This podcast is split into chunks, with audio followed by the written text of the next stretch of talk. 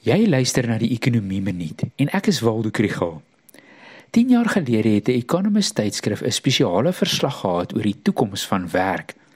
Dit het onder andere voorspel wat die waarskynlikheid is dat spesifieke werke deur robotte en kunsmatige intelligensie vervang sou word binne 2 dekades. Mense kon maklik glo dat telebemarkers in die moeilikheid is, maar boekhouers en ouditeurs toe kom ChatGPT en skielik lyk die lys van werke wat bedreig word baie langer.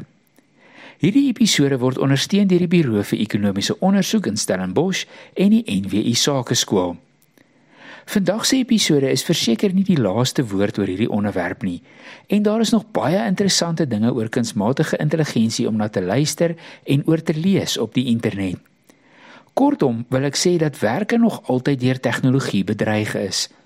Omwentelinge het sommige werke vernietig, maar weer nuus geskep. Baie keer is die werker nie deur 'n masjien vervang nie, maar deur 'n masjien en 'n ander, meer laaggeskoolde of onervare, goedkoper werker.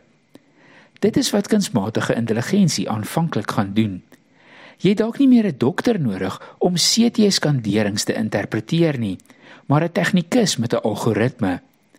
Dalk sal die dokters aanhou om die werk te doen, maar gaan ons nog hulle spesialis fooie moet betaal. Dit sal afhang van hoe goed hulle hulle bedryf kan beskerm teen lae-koste mededingers en of hulle ons kan oortuig dat hulle steeds waarde toevoeg. So wat beteken dit vir die wêreld van werk?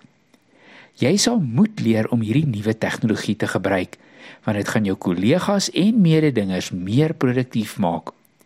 Jy sal moet dink oor hoe jy waarde toevoeg wat meer is as die goeie skryfstuk, grafiese ontwerp of kode wat die blikbrein kan skryf.